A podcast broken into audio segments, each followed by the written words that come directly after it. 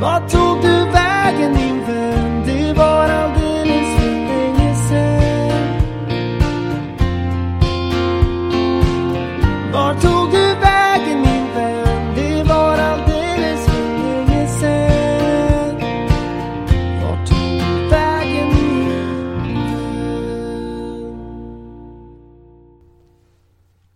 Morgon, god middag eller god kväll kära lyssnare! Vart tog du vägen-podden är äntligen tillbaka efter en veckas uppehåll och det med mycket matigt avsnitt.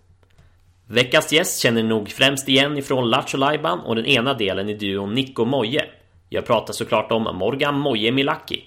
Hur gick det till när han nästan fick spö av Färjestads hockeylag? Varför avskyr han vissa barnlåtar? Hur nära var han egentligen att dö i sina hjärtinfarkter?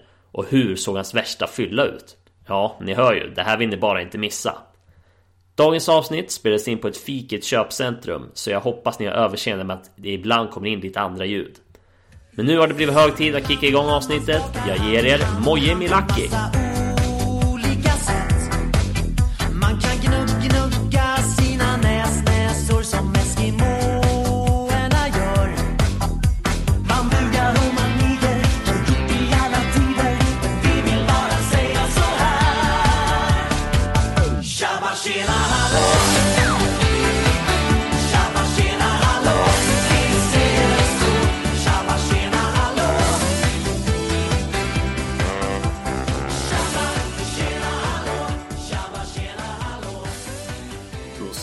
Tjabba tjena hallå till Moje. Eller, Tjabba tjena hallå! ja, Ja. eller Morgan Milaki som du egentligen heter. Ja. Eh, är det någon som kallar dig Morgan? Ah, farsan eh, kan säga det ibland. Eh, eh, nej, det, är- det är Moje. Ah, jag går till banken och så, så blir det ju Morgan. Ja. Eh, nej, fan. Det, nej, de säger fan Moje där också tror jag. Presenterar du dig som Moje eller säger Ja, du? Ja. ja, men eh, jag har blivit kallad det sen jag var liten. Och forskat lite i det varför. För Morgan och Moje makes no sense. Eh, eh, men då har det kommit fram till att min stora syrra då kunde inte säga R när hon var riktigt liten. Och då blev det Mojgan. Och till detta blir ju då Moje då. Ja. Så, så det är jag och alla katter i Sverige som heter det. Ja. Men du, jag skulle vilja separera karaktären Moje och Morgan lite Mm. grann till att börja med. Och jag tänker vi börjar med Moje. Eh, du är främst känd som barnprogramledare i Nico Moje och Lattjo får man säga. Ja. Vad väcker den här tiden för minnen hos dig? Eh, nej men det, det, det var ju otroligt kul eh, att få igenom eh, den idén till att börja med. Framförallt om vi pratar Nico Moje som var som den kom fram 1999. Eh, jag kan dra den storyn för det är ganska roligt. Vi, vi var trubadurer jag och Niklas. Han körde taxi och jag var fattig musiker. Ja. Och så sågs vi på en fest och vi diggade ju varandra. Och så hade jag några trubadur-gig inbokade, du vet så här, 1500 spänn på sin höjd. Eh, frågade Niklas, vad fan häng på då? Det, du tycker det är kul att spela sådär. Ja.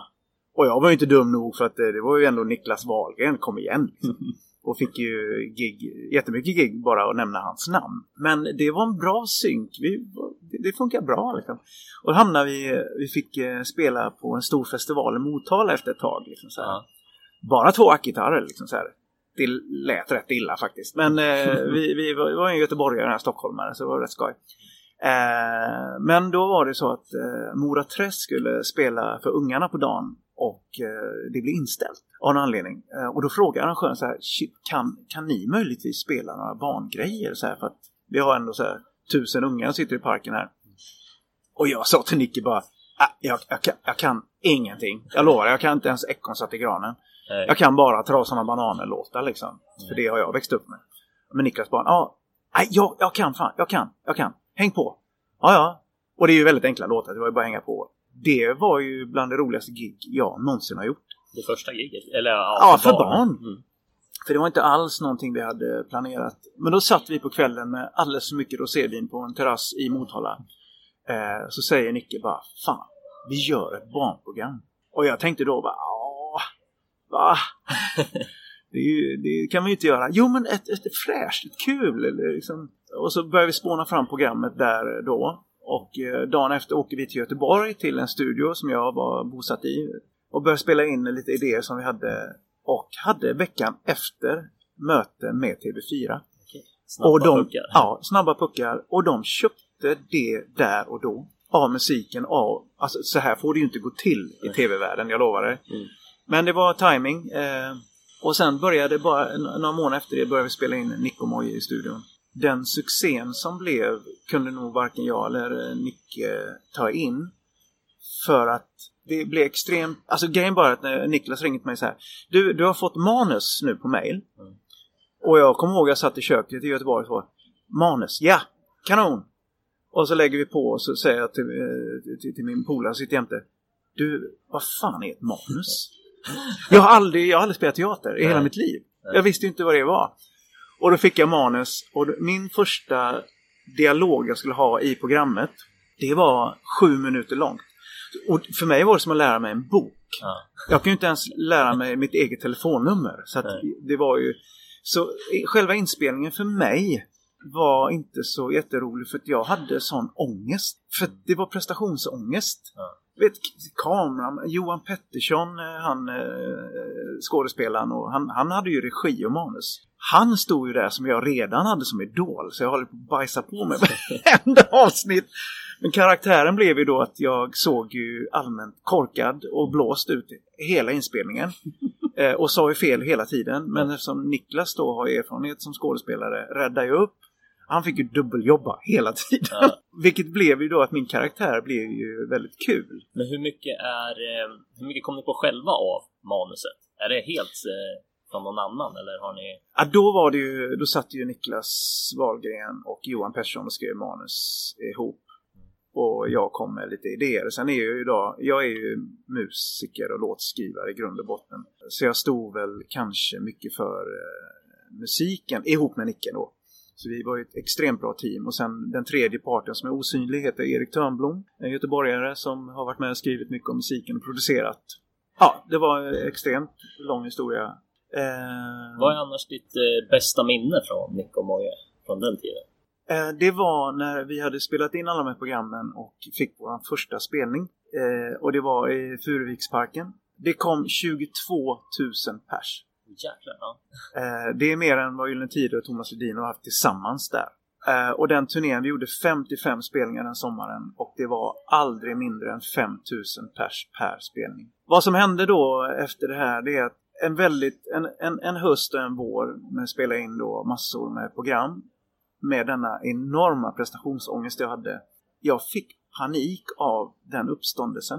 Eh, jag och Niklas hade det ganska tufft. Eh, för att även om det var liksom, okej det var ett barnprogram, det är väl bara tummen upp och alla är glada. Så blev ju det så stort. Plattan sålde ju dubbel platina och, och vi kunde ju inte röra oss. Alltså det var, det var precis som Justin Bieber liksom. Och jag är inte riktigt så bekväm med det. Nej, hur Eh, är du i att vara i strålkastarljuset? Hur trivs du med det? När det blir så stort som det var då så tyckte jag det var oerhört påfrestande. Eh, Niklas är ju född med det. Så han kunde ju ta det lite annorlunda. Eh, men jag tyckte det var då eh, så här. Men sen är jag ju artist. Det, och vi kräver ju bekräftelse. Punkt. Eh, så enkelt är det. Eh, vad som hände efter det? Jag slutade. Jag kommer ihåg jag sa till, till Niklas att jag, jag pallar inte. Han fick ju en chock. Alla fick en chock. Det här är ju en succé. Hur fan kan du, hur kan du lämna det? Nej, Jag, jag har inte roligt. Jag måste ha roligt i allting jag gör. Eh, inom det här i alla fall. Eh, annars kan det på riktigt kvitta. Så jag hoppar av.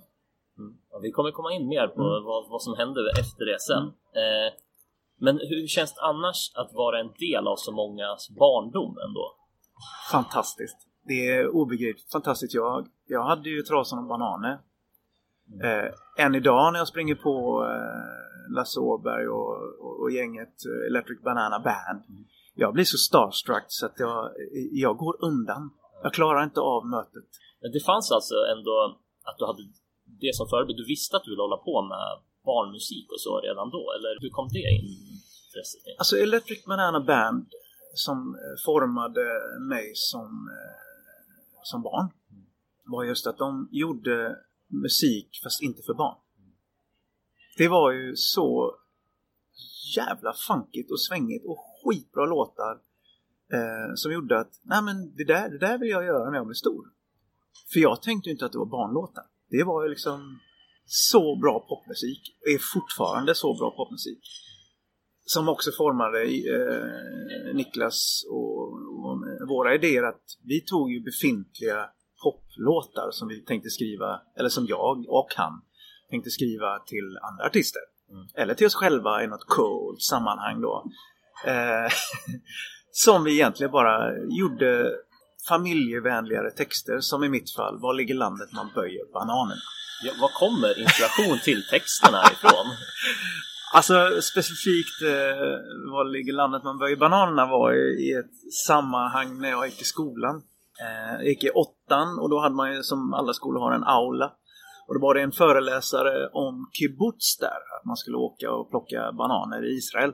Eh, och de som är födda på 70 80-talet vet ju precis vad jag pratar om. Och då säger hon eh, efter ett tag, det var en ganska tråkig föreläsning, så jag somnade. Eh, och då säger hon efter ett tag så här. Ja, det är ju ganska jobbigt att vara i fabriken när man böjer bananerna. Och jag kommer ihåg jag vaknade till då, böjer bananer i en fabrik. Alltså det, det klickar inte. Så jag säger ju högt i aulan bland 800 elever.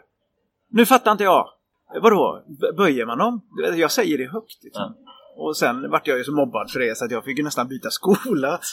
Och så så den, den grejen hängde ju med som ett eh, glädjetrauma. Ja.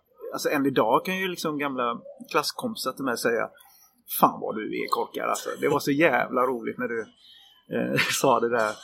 Och när, då, när det kom sig när jag och Nicke började producera de här låtarna så tänkte jag men inte det här är en rolig låt eh, med den här texten och här har jag melodin liksom. Och det tyckte alla var skitroligt såklart. Så där, där bottnar den i. De andra texterna är ju mest bara baserade på allt ifrån mina söner sa till eh, mig eh, och jag satt då med deras mamma vid köksbordet och så säger min pojk då, han är fyra år. Mamma, varför pruttar du så mycket när pappa är borta för? Varför gör du inte det när han är här? Och det var ju så jävla roligt för vi, vi sket ju inte inför varandra. Nej. Punkt. Det var bara en sån gyllene regel. Det är också en sån här rolig tes liksom. Varför pruttar morsan när farsan har gått? Det, det blir väldigt lätt att göra popmusik då. Ja. Mm. Nu har vi pratat lite om karaktären Moje. Jag tänker att nu går vi över till Morgan då. Mm. Din målgrupp har ju ändå hela tiden liksom riktad mot barn. Men hur var du själv som barn? Eh, jag är nog den som har gått på kryckor mest av alla i hela Sverige. Jag har brutit benet sex gånger, armen fyra gånger. Jag har eh, fått en gräsklippare på låret. Eh, så jag har ett stort ärr där. Eh, jag var så sjukt klantig. Eh, jag var överallt. Jag var alltid högst upp i träden.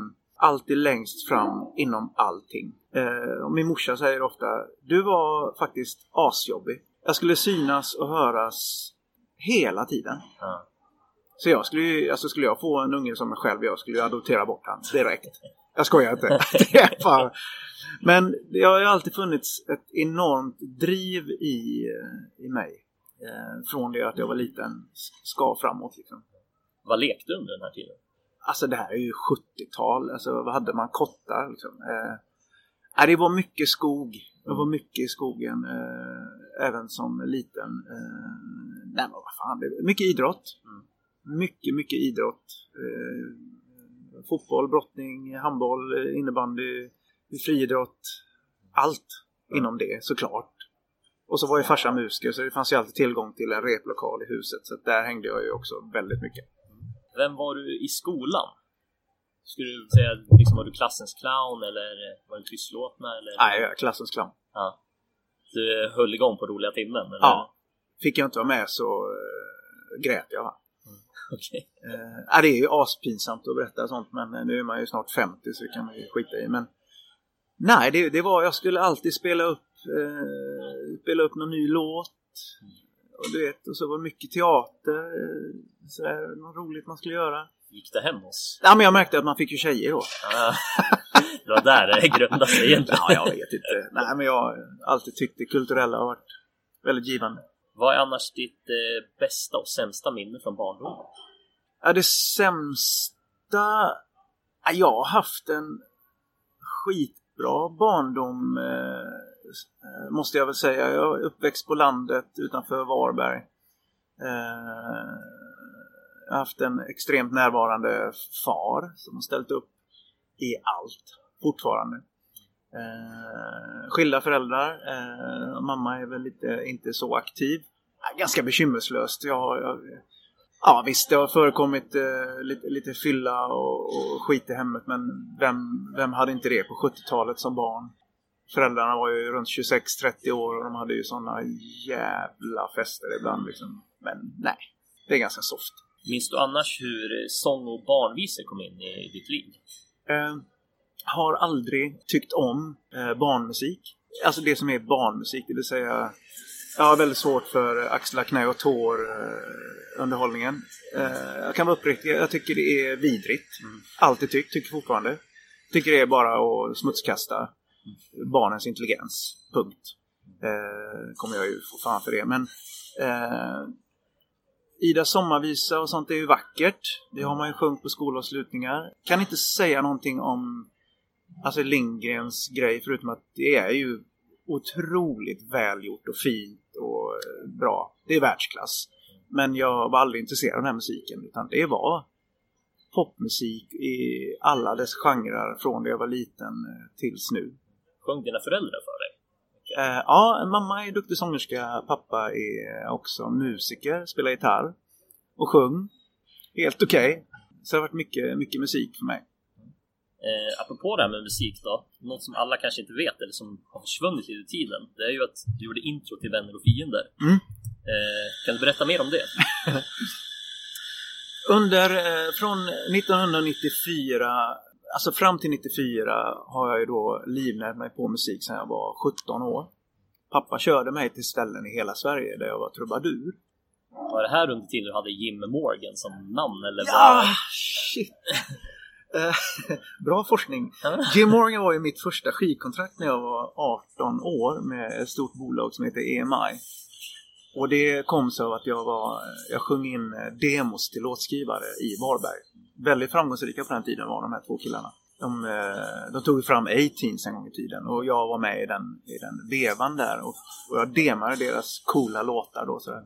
Men eh, då var det ett skivbolag som hade hört mig dema eh, ett par låtar som sa det där, han, han, han låter ju bra. Och de kontaktade mig och så då gjorde vi två singlar som gick skitdåligt. Men det var ju min, min fot in i, i den här branschen då. Och den var ju cool, såklart. Eh, men efter det så, när det gick åt skogen, så började jag ju åka ut och spela covers i många år. För stora företag och sådär. I hela världen faktiskt. Och 94 blev jag uppringd av eh, Ulf Ekberg i, och John Ballard heter han. Eh, där de ville sätta ihop ett, ett boyband som kan lira.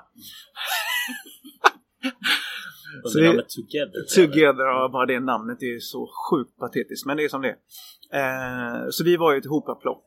Eh, men vi skrev ju låtarna själva då. Och eh, blev signade till ett tyskt majorbolag. Som gick in med sjuka stålar. Så vi turnerade i Tyskland, Österrike, äh, i hela Europa i tre år. Det gick bra där nere. Det gick väldigt bra. Men en dag i Göteborg så ringer Ulf Ekberg mig och frågar om jag kunde dema in en låtidé som ska gå till en tv-serie som heter Vänner och fiender. Jag bara, "Ja, hinner inte riktigt nu men eh, jag kan komma ner vid två. Ja, det var skit. Det tar bara tio minuter. Okej. Och det gjorde det. Jag sjöng in, jag lärde mig låten och det, den var inte så svår. Eh, sjöng in en tagning. Och sen var det inte mer med det. Och eh, flyget till Tyskland gick ju på måndagen så vi åkte ner igen i flera veckor och turnerade. Så här, fyra radiostationer per dag och fem tv-stationer per dag. Alltså galet tempo. Eh, Då får vi ett telefonsamtal ifrån eh, Ulf Ekberg och säger Du, eh, ni ska vara med Adam Alsings eh, show. Varför då? Jo, för att eh, Vänner och fiender-singeln, den, eh, den ligger etta i Sverige. Vilken singel? Alltså vi fattar ingenting. Nej. Jo, nej men vi har ju släppt låten i Together på svenska. Vi körde ju på engelska så det vart ju skitkonstigt. Ja. Ah, okej. Eh, oh, wow. Eh, hem och eh, Vänner och fiender-låten, eh, den låg ju etta i kanske 7-8 veckor tror jag på svenska singellistan. För övrigt 90-talets näst mest sålda singel fortfarande. Ja, det är ju sjukt. Eh, men den är ganska anonym eh, idag, vilket är skönt. Det faller ett regn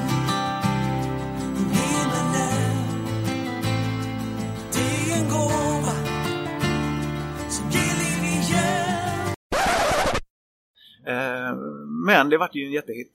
Eh, Efter det var det ju en framgångssaga i exakt ett år. Ni var i förband till Backstreet Boys. Ja. Kan du berätta någonting om det? Eh, ja, men då var ju låten ett faktum och en stor hit. Och vi blev ju någon form av flickidoler på den tiden. Vi var ju superstjärnor då. Men när man...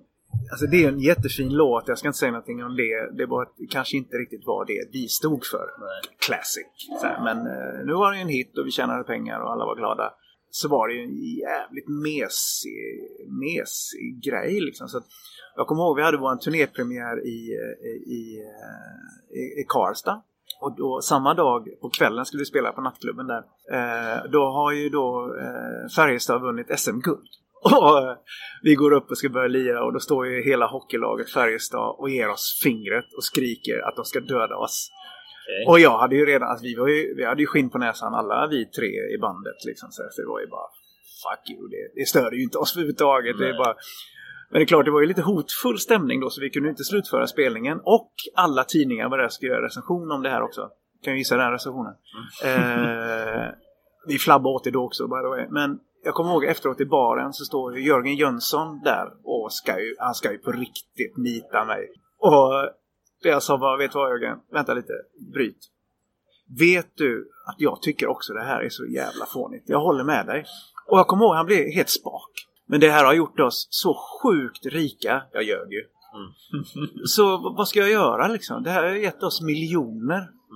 Hade det verkligen inte gjort. Men jag tänkte jag måste ju bara konfrontera honom så här. Bara, inte ursäkta. Ja, men det, det är så, här, ja, precis. Ja, men jag vill ju så här på något sätt bara bonda där på något sätt.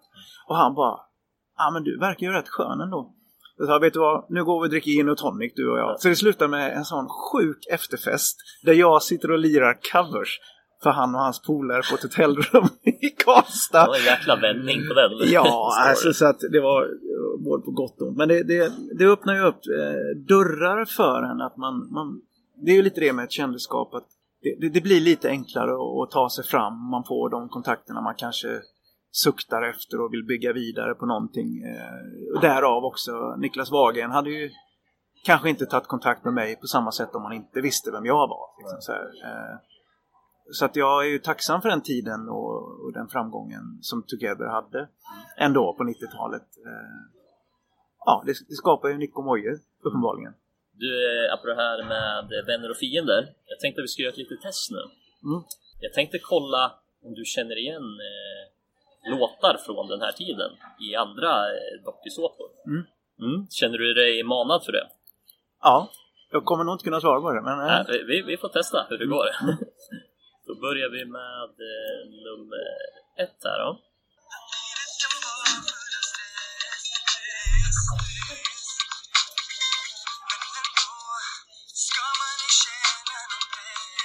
Aldrig hört.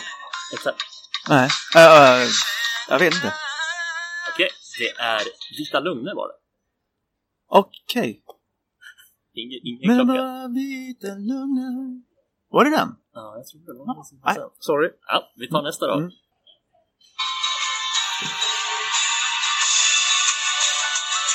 Eh, den är snygg. Det är nog Strömstedt som har skrivit den. Kan vara. Eh, men vilket program? Alltså jag har ju aldrig tittat på TV. Det, kan det vara, kan det vara eh, Ömans? Nej, eh, vad heter den där? Eh, det var inte Tre Kronor. Nej, det inte. Eh, Rederiet? Nej, det var inte den. Den, den, den, den, den kan man ju. Eh, nej, jag vet inte. Det är skilda världar. Skilda världar. Okej. Den här nästa, den här tror jag att du tar. Ja, det är ju Rederiet. Där har vi den. Ja, men det är en classic. Det är som Dallas. Ja, Mm. ja, precis. Vi tar den sista då.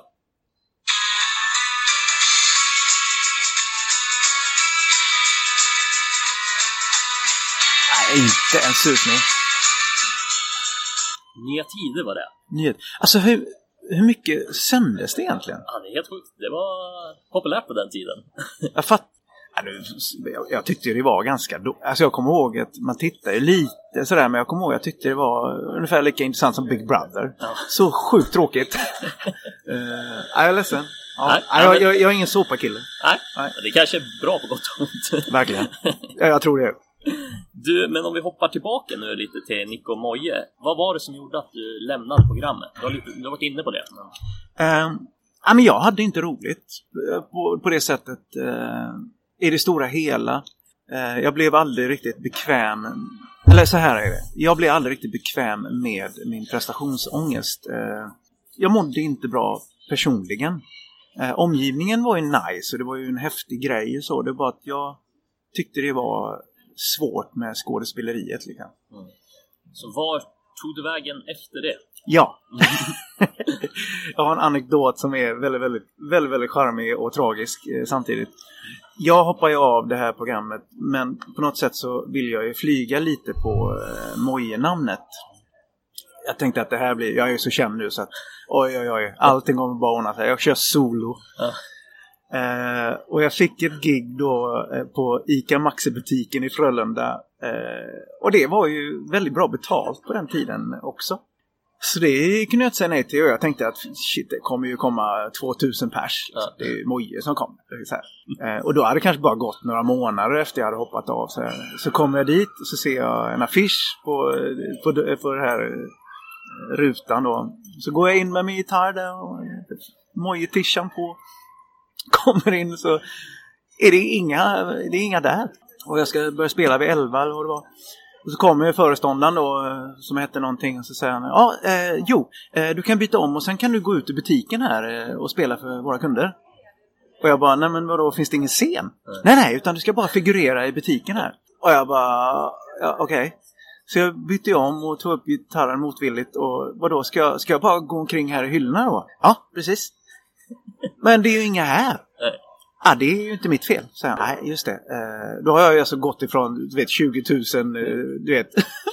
Är det värsta giget du haft? Eh, ja. Ja. Nej, jag har ett som är värre. Men eh, då, då, jag står där och så jag börjar spela någon låt som Nico Moja hade. Jag tänkte jag rider väl på den vågen. Eh, då står det en kille framför mig och han eh, var ju förståndshandikappad då. Så han säger Men Moje, varför står du här och spelar för? Nej, det vet jag inte. Tänkte jag. Så jag gick in, la gitarren i caset, eh, eh gick ut därifrån och gick hem och eh, jag grät. För det blev en sån chock. Alltså bara, oh shit, vad har jag gjort? Stort hus ute i finaste områdena i Göteborg och ah, men du vet, det här kommer ju gå åt helvete. Eh, och just den psykiska knäcken att oj, det här blev ju inte riktigt som jag hade tänkt mig och hel, hela det eventet var ju fruktansvärt dåligt upplagt. Mm. Så jag la allting på is och levde, levde många år på pengar som vi hade tjänat in. Liksom. Sen tog ju pengarna slut. Eh, och då blev jag uppringd eh, efter många år. Jag var ute och spelade covers eh, med, med föredettingar. Vi satte ihop ett föredettingarband med olika, du vet, Micke Syd på trummor, jag på sång och så var det lite annat löst folk ifrån Friends var med, gitarristen Tony Haglund och ja, lite annat. Som gick faktiskt skitbra. Eh, det var ett projekt som jag hade, underhöll företag. Eh, Det, de åkte till eh, Mauritius, då var vi där och spelade. De åkte till Malta, då var vi där och spelade. Och så tog vi in kända gästartister, classic. Eh, Men blev då uppringd av eh, Magnus Nygren som då var en bokare åt Lilla Melodifestivalen på turné. Och då ville de ha en konferencier. Och då valde han att ta in mig för att jag var ju i princip gratis då. För jag hade ju inga jobb. Men jag fick ändå liksom säga lite, okej nu får Moje vara Moje igen då.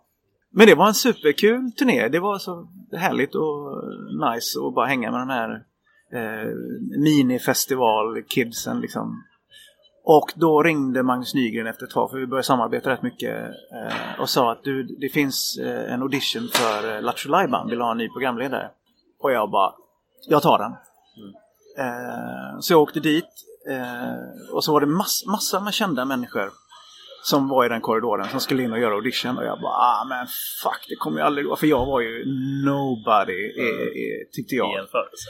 eller? Ja, alltså mitt självförtroende var noll. Alltså på riktigt noll. Men jag går in och så säger de ja nu får du köra din grej. Och jag, bara, jag var helt blank. Så jag satt och spånade fram en låt eftersom jag är endast trygg i mig själv när jag sitter med ett instrument och ska sjunga. Då är jag trygg. Så jag tänkte okej, ska jag komma igenom den här audition? För det är fruktansvärt att göra audition. då måste jag ju bara sjunga något. Så jag spånade fram en låt om en, eh, en grej som heter... Jag fick bara för mig Baja Maja tycker jag är charmigt. Charmig grej. Eh, så jag kom på en låt där och då som jag spånade fram som heter Baja Maja. Och när jag gick därifrån så tänkte jag, ja okej jag kan åka hem till... Jag bodde i Varberg då. Eh, det här gick ju åt helvete. Det här var ju fruktansvärt. Fy fan vad kass jag var. Men då var det väl det att jag var så fumlig och konstig och underfundig tydligen eh, med mitt sätt att vara. Eh, att de gillade det. Och då fick jag jobbet i Lattjo Lajban. Så då gjorde jag från 2006 till 2013 Nyhetsmorgon live och inspelare. Jag gjorde 67 inspelade program. Alltså det var, jag gjorde så extremt mycket TV i så många år. Eh, så jag, jag har ingen aning hur många hundratals sändningar jag har gjort. Vi diskuterade det här lite innan vi startade micken, men känner du dig själv bortglömd? Nej. Nej. Eh, jag kommer ihåg 2013 så satt jag med ledningen på eh, TV4 för de ville utveckla eh, någonting eh, eller ska vi lägga ner eh, barnavdelningen? Och jag var ju ganska trött på hela den världen eh, då också. Plus att jag turnerar ju så extremt mycket både med Diggiloo gjorde jag i fem år eh, och gjorde TV och musik. Alltså enorma proportioner.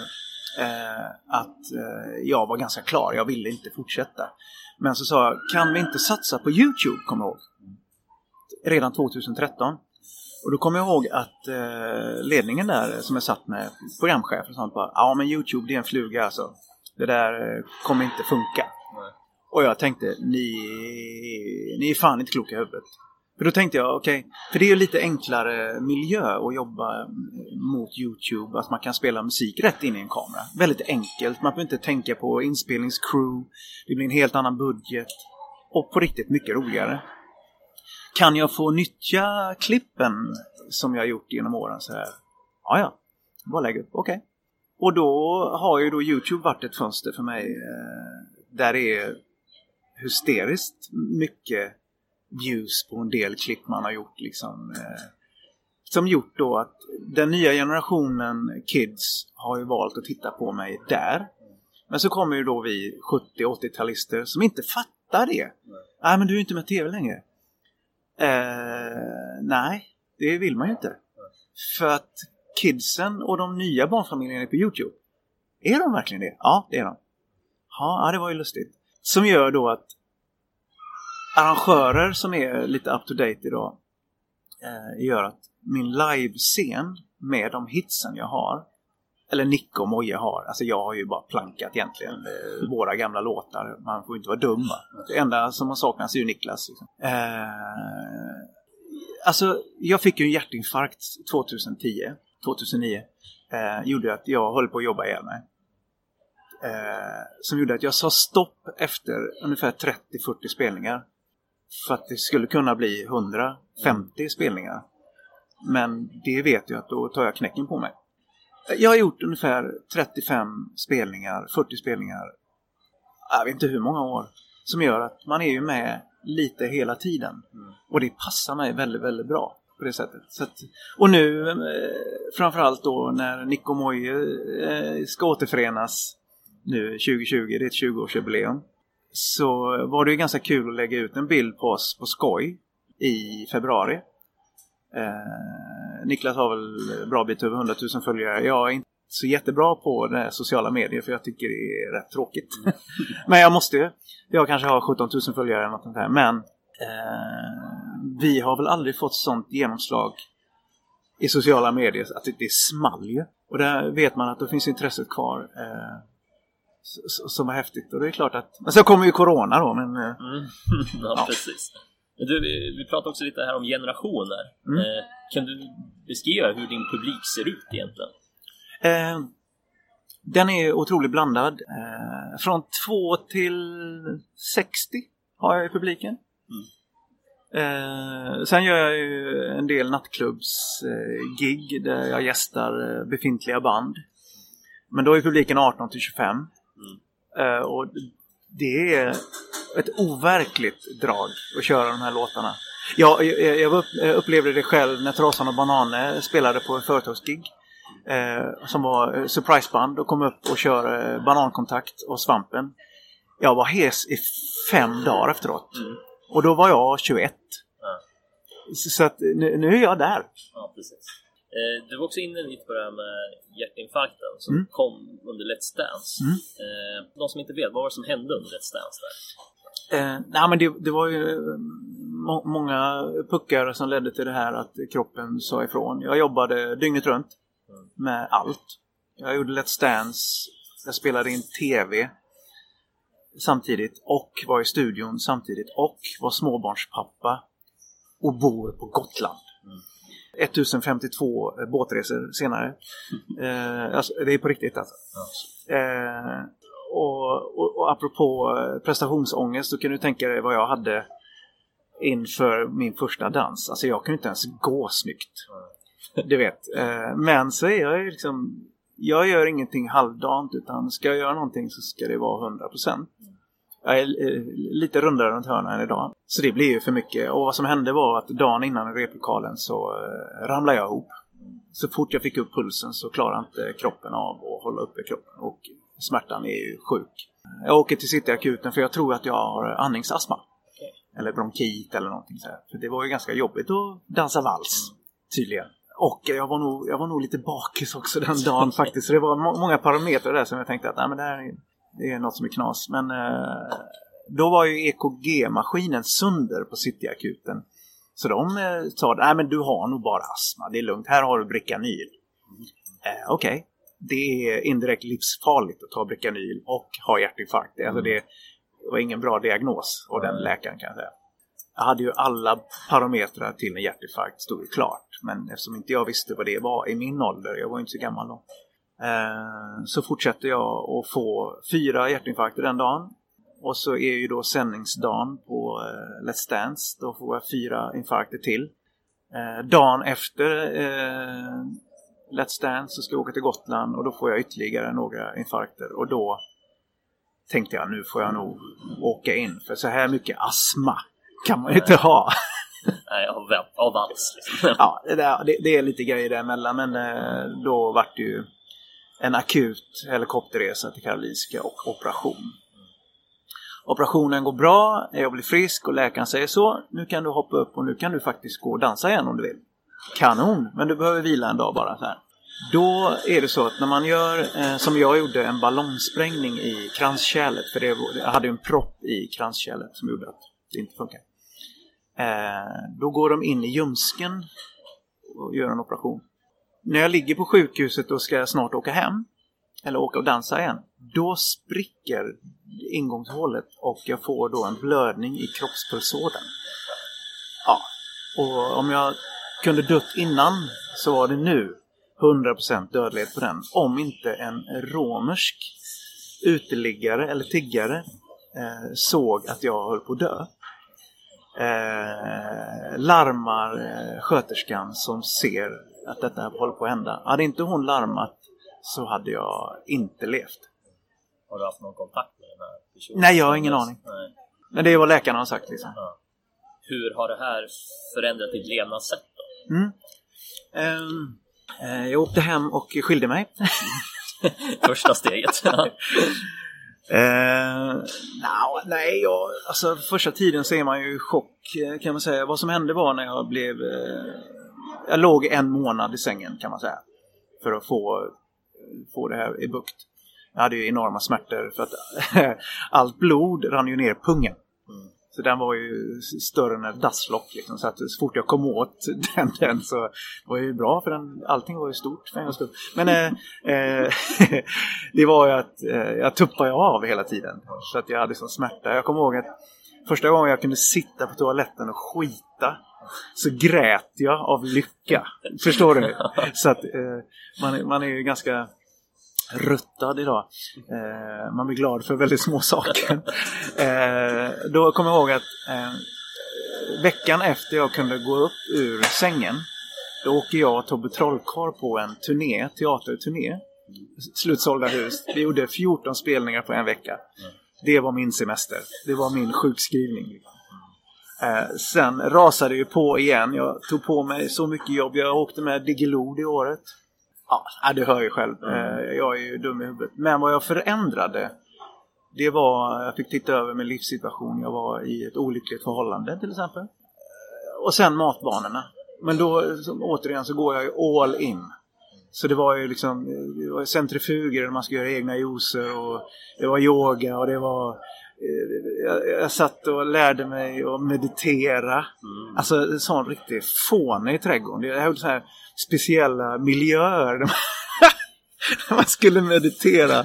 Alltså man kan inte göra någonting halvdant utan jag gjorde det all in. Liksom. Jag gick ner så här 10 kilo i vikt och jag tränade som en idiot. Och jag sållade ganska mycket i min vänskapskrets och eh, kostnader. Jag blev minim- minimalistisk ju tiden gick. eh. Jag träffade äntligen en normal tjej. En bra tjej som jag inte behöver ta hand om. Som jag, du vet, jag går ju all in där också. Jag måste ta hand om folk. Eh, sjuk i huvudet det har man ju varit. Så sakta men säkert så har jag eh, längtat efter lugn och ro och ingen drama. Så successivt, alltså, det är, alltså du kan inte vända ett sånt trauma på ett år. Det tar tid. Du måste ha extremt tålamod liksom. Och det har tagit tio år att komma dit jag är idag. Ta det lugnt. Det, jag, jag har en väldigt rolig anekdot. Jag har, hade en basist, en stor, stark dalmas som heter Anders som var med mig i många, många år. Och han har ju följt mitt drama i mitt privata liv. Liksom. Det har inte varit någon lek. Alltså. Alltså, skulle någon skriva en bok om det här så hade det varit en bestseller, I promise. För det är så sjuka grejer. Men eh, så hade jag träffat eh, min fru nu som jag är gift med, Pernilla. Så, så var det en situation där jag liksom varit så här, ja det här är för bra liksom. Jag, jag vet inte om jag pallar det här. Hon är för bra liksom. Det kommer inte gå liksom. Då vart han förbannad och han var ju ingen sån som kunde deep talk alls. Han, han sa ju knappt någonting nykter. Eh, så han bara, nej nu jävlar ska du skärpa dig. Du får tänka, förhållande är som pyttipanna. Det, det, det ska inte vara gott och det ska inte vara äckligt, det ska vara ganska lagom. Nu jävlar håller du dig till lagom. Och... ja, lagom, okej. Kan, kan jag, Moje, göra någonting lagom? Eh, och det är det enda, det är det bästa psykologråd jag har fått av alla 12 psykologer jag har bränt ur på 20 år. Livet kan vara lagom, det är okej att det bara är okej. Det, det, det får en att bromsa upp. Jag, eh, jag sålde mitt hus på Gotland. Jag hade ju två boenden. Jag bodde i Stockholm i lägenhet. Jag hade hus på Gotland. Du förstår vilka kostnader. Jag hade två bilar. Jag hade alldeles för mycket musiker med. Bara för att jag tyckte det var roligt. Det var ju ett gäng grabbar. Men det blev ju det är så dyrt. Jag, jag tjänade mycket pengar men i slutändan så var det ju noll. Eh, för jag var så otroligt korkad. Liksom. Eh, så att vad som hände då när man har varit med om en hjärtinfarkt och det här är att man, man tänker till lite och då blir det att ju mindre kostnader du har ju bättre sover du. Jag gick ju på sömntabletter i 15 år. Men så fort man gör slut med massor med saker som tar energi, vilket det här var, eh, då sov jag. Jag sover. Alltså jag älskar att gå och lägga mig idag. För att det är lugn och ro. Och nu när coronakrisen kommer, när de tar bort liksom hela min inkomst på oviss framtid, gör ju också att nej, men jag har ju nästan inga kostnader. Då eh, känns det bra. Ja, jag har lyckats. Ja. Men Du, du nämnde ju tidigare det här med ångesten. Är det här också... Har du kommit över ångesten med? Ja. Genom att tänka lagom liksom? Ja. Mm. För om man ser det som person, då tänker man oftast att du är ständigt glad liksom. Men eh, det, det känns som det är den sidan som man har sett i, i TV. Mm. Och min fråga här var, när senast var du riktigt ledsen? Det kanske är oftare än vad man tror då? Ja, har ja nej, jag, jag hade... Fast det, har lite med egot att göra. Så det, det var, visst, Adam Alsings bortgång. Eh, nu var jag inte jättetajt med honom som mina kollegor och kompisar är som till exempel Marco, Markoolio. Eh, Niklas Wahlgren var ju tajt med Adam. Eh, de, de har ju en, en sorg. Jag känner bara tomhet. Fan, det är inte ofta jag är riktigt ledsen alltså. Jag är ju väldigt blödig sådär när det går bra för någon på tv och sådär. Mm. Mästarnas mästare kan jag säga, storböl. Men, men jag har en vä- väldigt fånig anekdot. Det var, jag hade skickat in ett bidrag till Melodifestivalen för några år sedan. Så sjukt bra idé. Får ju kontakt med Christer Björkman och han bara, vet ni vad, det här är skitbra killar. Det här ska vi ha med. Och det är, många kan ju spotta på, eh, på mellot i många sammanhang men för, för mig och den genren jag är i så skulle det vara så sjukt fet grej att få vara med om också.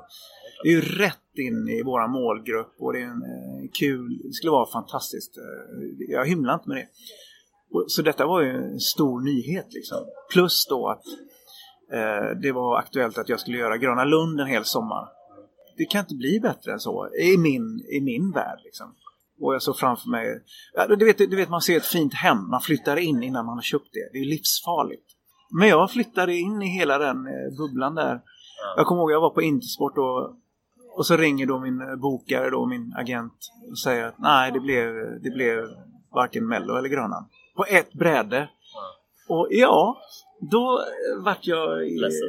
Ja, alltså det var, det var som att skjuta mig i huvudet liksom. Och då kommer jag ihåg jag kom hem till Pernilla och så sa jag bara nu lägger jag ner den här jävla skitkarriären liksom. Jag var helt, helt bara nej. Hej då liksom. Nej, jag var på det dagen efter igen så att det var var bara... Jag bara börja om. Det bara Eh, apropå det här med kontrasten till det glada också. Mm. Hur såg din värsta fylla ut? Ja, det var väl igår. eh, eh, Åh, herregud. Eh, Min värsta fylla är väldigt roligt för jag var nykter. Eh, eh, det var så att jag Det var det som gjorde att det var det värsta. Ja, eh, nej, men jag kommer till det. Det är att jag skulle hämta, det här är många år sedan, många, många år sedan. Jag skulle hämta min flickvän på en bar på natten. Jag har varit ute och spelat så jag kom hem två på natten och så, så säger hon, jag är på Underbar i Göteborg. Okej, ja, men jag kommer ner och hämtar det. Så stod jag utanför och hon kom ju fan inte.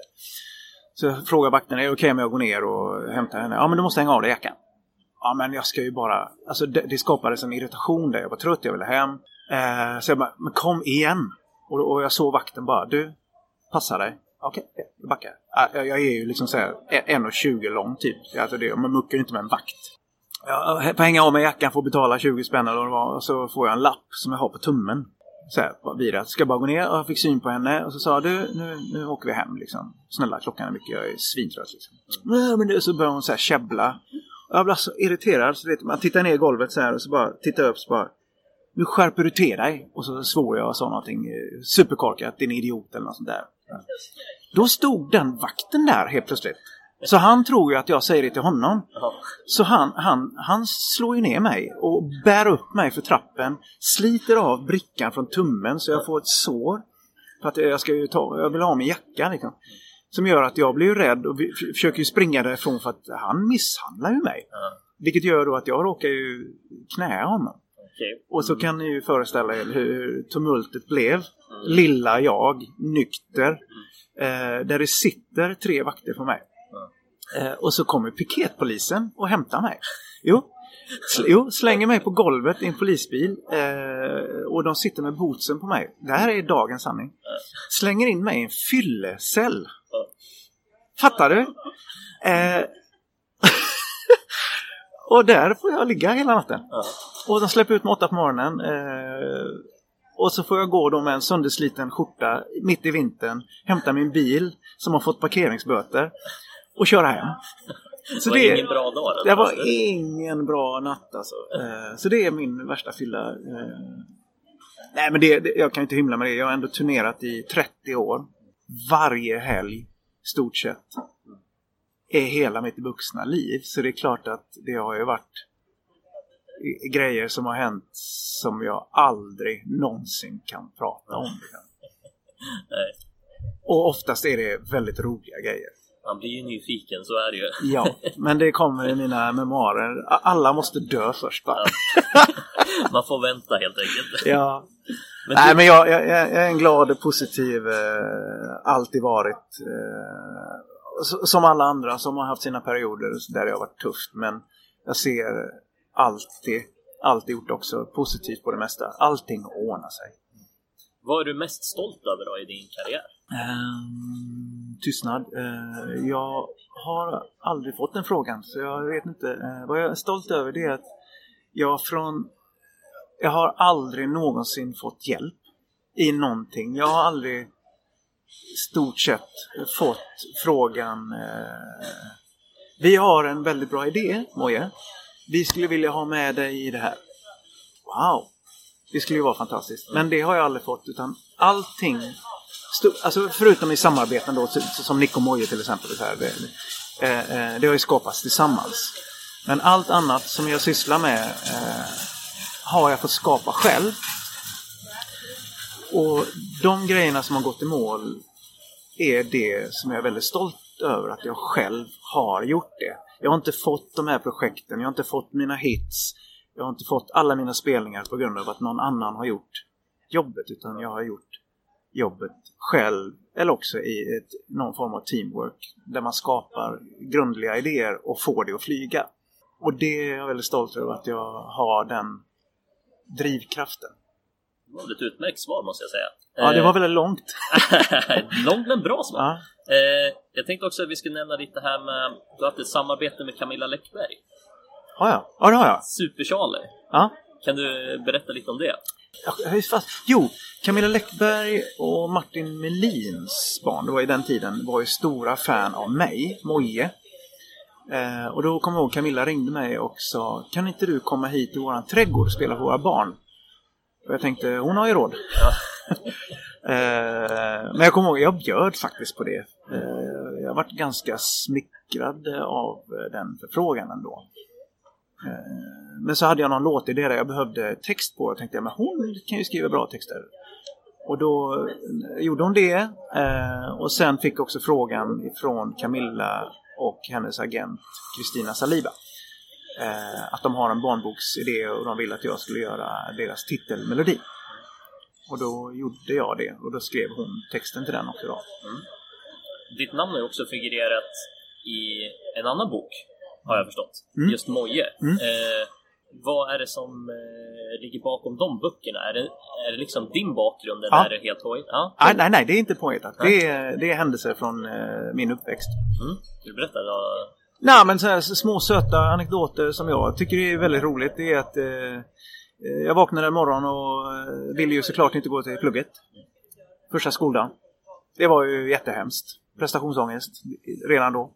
Eh, morgonen började med att jag pissade i garderoben. Jag gick fel. Alltså, eh, så jag pissade i farsans dojor. Eh, Det är också roligt.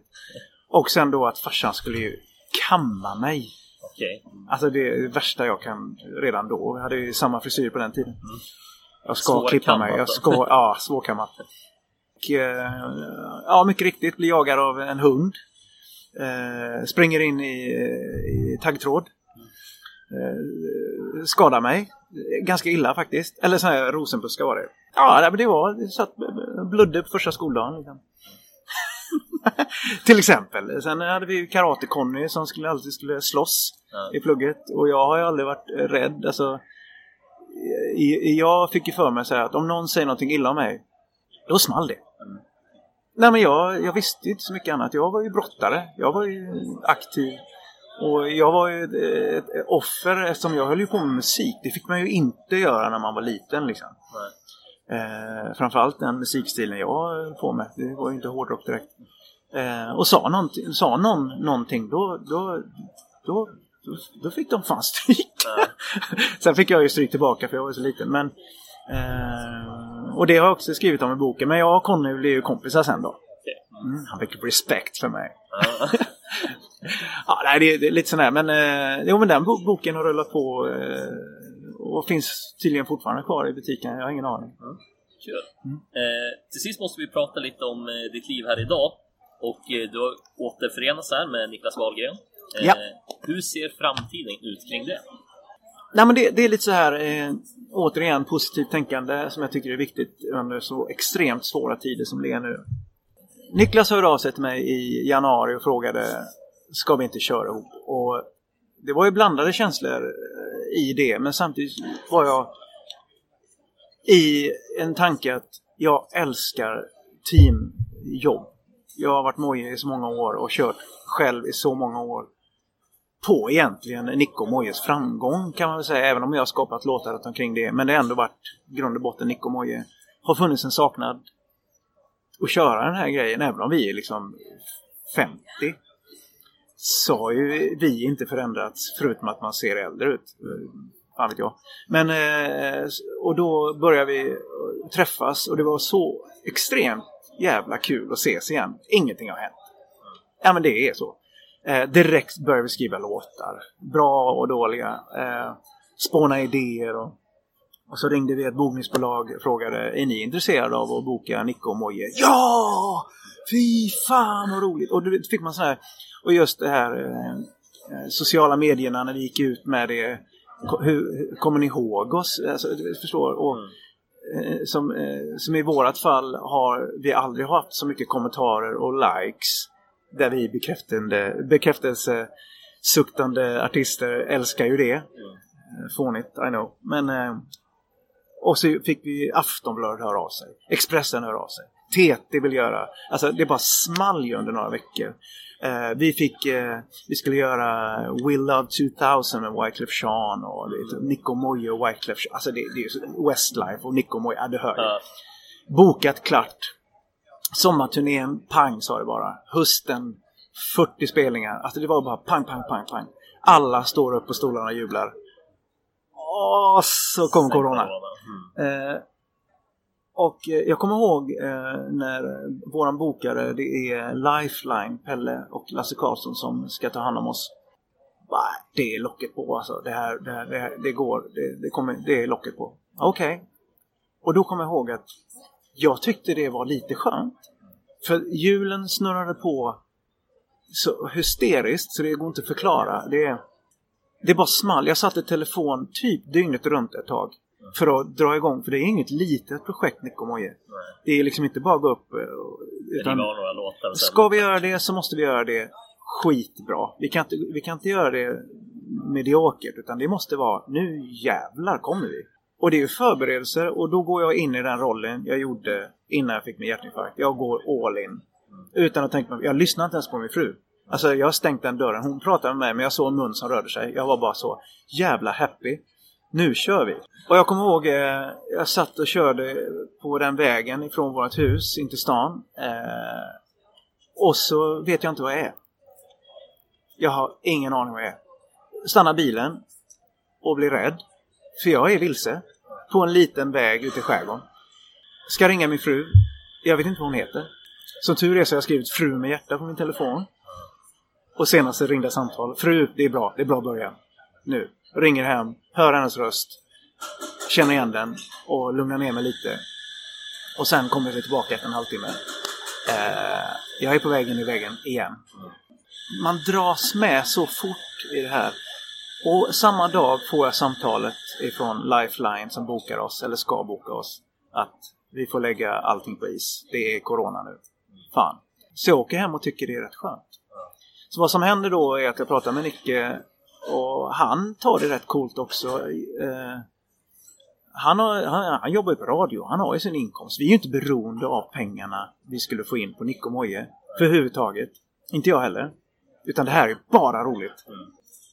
Men eh, då sa vi det, okej, okay, men då gör vi lite tafatta YouTube-grejer. Du, du, du vet med vanliga vanlig iPhone. Vi har inte ens en lampa framför oss. Alltså det ser ju inte klokt ut. Eh, så vi gjorde en massa klipp. Vi satt och spelade låtarna som vi gjorde för 20 år sedan. Vi har inte repat en enda gång. Och spelade dem. Och jag kommer inte ihåg alla. Och han kommer ju definitivt inte ihåg alla. Men det bara blev eh, för, för vår del lite magi där. Och så la vi ut det på ett YouTube-konto där. Och redan på några veckor. Och så gjorde vi om lite klipp och så började Nicke lära sig hur man klipper i datorn, hur man lägger in bilder och ljudeffekter. Och då blev det ju att, ja men då gör vi det här istället. Och att vi får tid, andas ut och skriva bättre låtar. Så vad som är i dagsläget är att vi gör ett klipp i veckan. Bra eller dåligt, spelar ingen roll. Vi bara gör det. Vi ses, umgås. Eh, och så skriver vi och så eh, på måndag åker vi ner till Göteborg till studion där, där han Erik, den tredje medlemmen, den osynliga medlemmen. Eh, där vi ska börja producera våra första låt. Har du något namn på Låten? Ja. Jag får inte säga det för att den, eh, vi ska ha möte med eh, Melodifestivalen eh, när den är klar. okej. Spännande, spännande. Ja, det kanske inte blir någonting, jag har ingen aning. Men det gör ju att eh, tid för re- reflektion under dessa tiderna är viktigt.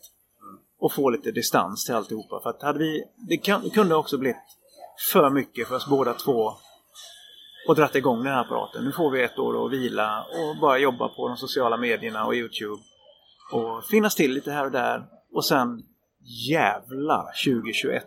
Jag kommer utvilad och det kommer bli ett magiskt år. Hur ser annars din relation med Niklas ut idag? Om du jämför från eh, när ni startade hela projektet. Eh, nej men, han och jag. Eh, jag har ju pratat om honom. Eh, jobbigt när inte han får sitta med och tycka. Men han är ju så mycket coolare idag, Nicke. Han, han kunde vara ganska pådrivande. Han har ett bra humör, säger vad han tycker och sådär. Och jag är mer konflikträdd eh, då. Så det var ju ingen bra match på den tiden faktiskt. Idag uppskattar hans eh, enorma kreativitet. Extremt duktig. Eh, och jag är mycket starkare och mer självförtroende. Skulle vi göra om Nick och Moj i studion idag och jag skulle få ett manus, för nu vet jag vad det är, så skulle jag ta det med mycket större ro. Alltså, vi båda två är mycket lugnare i våra personer idag. Eh, så jag tror det- kommer flyga till mycket, mycket mer glädje som jag vill ha det. Och att det inte är ett jobb. Utan nu ska vi bara ut och ha roligt ett par år. Får vi se. Det, jag tänkte att vi ska göra test nummer två nu. Mm. Och då tänkte jag kolla lite hur väl du känner Niklas. Mm. Eh, och om du har koll på hans stil. Så jag har fem frågor här, får vi se om du vet svaren. vi börjar med första då. I vilken film debuterade Niklas i vid fem års ålder? Som jag aldrig har sett. Det är så sjukt. Filmen G. Nej, inte vänta, vid fem nej. års ålder. Fem, fem års ålder. Mm. Eh, det är med sin mamma vet jag. Ja. Men mer än så vet jag inte. Vill så gärna tro heter den. Vill så gärna tro. Ja, Men du, det- du hade i alla fall koll på det. Eh, nummer två då. Stavar Niklas med C, K eller CK? C. Det är rätt. Mm. Härligt. I vilken radiokanal kan man höra Niklas idag? Eh, Energy. Stämmer bra det också. Nummer fyra. Hur många år var Niklas och Laila gifta? Fem. Ja, härligt. Fan, Du har ju stenkoll här. Mm. Eh, sista frågan. Vad hette Niklas debutalbum? Het lång sommarnatt. Nej, eh, kalla isar. Nej, jag vet inte. Det har ett engelskt namn. Engelskt? Nej, jag har ingen aning. Pokerface. Pokerface. Ja. Shit vad fånigt. ja, together. Ja, ja. Mm. Men du, det var ju tre av eh, fem i alla fall. Det, Ja, är- ja, det, det var okej, det var det var bättre än förra testet. Ja. Jag kan fått ett halvt rätt för att det var hans mamma i alla fall. Ja, det tycker jag. Okej, tre och ett halvt. Jag bjuder på. Ja, ja. Du, eh, till sist här. Har du några andra projekt på gång också? Jag ska, mm, eller jag håller på och är snart färdigutbildad eh, båtkapellsmakare. Intressant. Berätta mer. Det är ett familjeföretag. Eh, farfar startade det 1965 i Varberg. Och så eh, när pappa la ner musiken så började han också jobba där på 80-talet. Och eh, när jag gick i skolan så hade jag såklart inget jobb. Eh, så jag jobbade i pappas kapellfirma x antal år faktiskt. Sen eh, tog ju musiken över. Och så då lämnade jag det. Så jag har inte varit där på 30 år. Ish. Eh, men sen några år tillbaka så har jag tagit tillbaka det yrket för jag tycker det är ett exklusivt och coolt hantverk som inga maskiner någonsin kan göra utan det är ett hantverk som ger mig eh, mycket inspiration faktiskt eh, och att jag kan sitta och sy och skapa utan att tänka på projekt och musik. Är det ett sätt liksom att koppla av på? Ja, eh, definitivt. Det är en ren meditationsgrej. Eh, eh, och eh, det, det, är också så att som musiker och artist idag så jobbar man på helgerna. Men måndag till fredag, så jag, jag har sett allt som Netflix har. Jag har alla tänkbara HBO, jag har, jag har allt. Alltså det, jag skojar, jag lägger hur mycket pengar som helst på det. Eh, för att eh, visst, man jobbar på dagen och man ringer några möten och man planerar något, man skriver en låt eller whatever. Men det gör man någon timme eller två. Vad fan gör man sen? Eh, gymmet, ja, tränar, ja men sen då? Jo, det blir att man ligger och kollar på serier. Punkt. Eh, och då tänkte jag, nej, gör någonting vettigt. Och detta är någonting vettigt av många anledningar. Jag får hänga med min farsa som är 74 år idag. Jag får komma hemifrån lite grann eh, och så göra någonting coolt och lära mig ett helt unikt yrke. Väldigt härligt. Ja. Du, du närmar dig ju 50 här också. Ja. Eh, har du fått någon slags 50-årskris? Nej, verkligen inte. Nej. Jag har aldrig haft någon kris. Nej. Eller sån åldersnoja.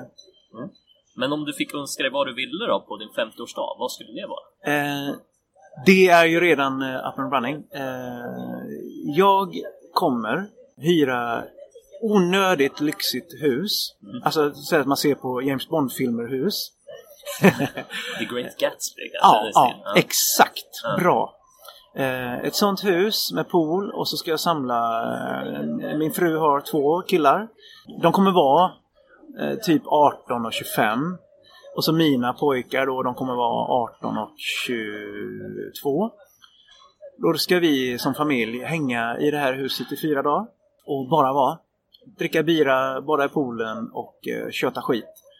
Och förhoppningsvis så är min farsa med också. Eh, så det, vi ska samlas där. Så, som en liten, det, det är den enda present jag vill ge till mig själv. Du, då får vi hoppas att det blir en fantastisk födelsedag. Den kommer bli sjukt bra Ja. tror jag. Du, det här var alla mina frågor. Eh, Ja. Hoppas du haft en trevlig stund. Ja men tack så mycket. Det var trevligt att Ja, komma hit. kul. Du, innan du går ska jag bara ställa min obligatoriska fråga. Ja. Och det är, är det någon som du undrar vart den har tagit vägen? Eh, undrar vad den har tagit vägen. Eh, svensk eller? Ja, helst någon som går att intervjua. Som går att intervjua. Eh, Åh herregud vad svårt. Eh, Tom Ekman kanske? Han är ute och spelar eh, sina låtar ihop med Micke Syr idag. Ja. Så de, eh, Micke Syr kör ju låtar och eh, han kör ju då eh, freestyle-låtar. Ja men Tom Ekman. Ja. Tom Ekman. Ja. Ja. Det låter ju utmärkt. Ja. Du, stort tack för att du ville vara med Moje. Ja men tack själv. Det har varit väldigt trevligt att lära känna. Eller lära känna dig. Skönt att prata så mycket om sig själv. Ja. Du, till sist här måste jag bara tacka alla lyssnare också som har lyssnat idag. Eh, Vi hörs snart igen. Hej då! Hej då! Tjabba tjena hej då! Ja. Var ligger landet där man böjer bananerna? Ja, är det samma land där de bor, indianerna? Du har just lyssnat klart på det åttonde avsnittet av Vart tog det vägen? Och inget gör mig gladare än att just du har lyssnat. Som vanligt kan du följa mig på Instagram på Vart tog det vägen? Där du bland annat kan se bilder på hur kändisarna ser ut idag, plus lite annat smått och gott. Introt gjordes av Måns Brorsson, min gäst var Moje Milaki och jag, jag heter Jonathan Stå. Vi hörs snart igen, hej då! Jag vill ju veta hur saker och ting går till. Ja, Om jag vore lika smart som han. Jag var landet där man böjer bananer.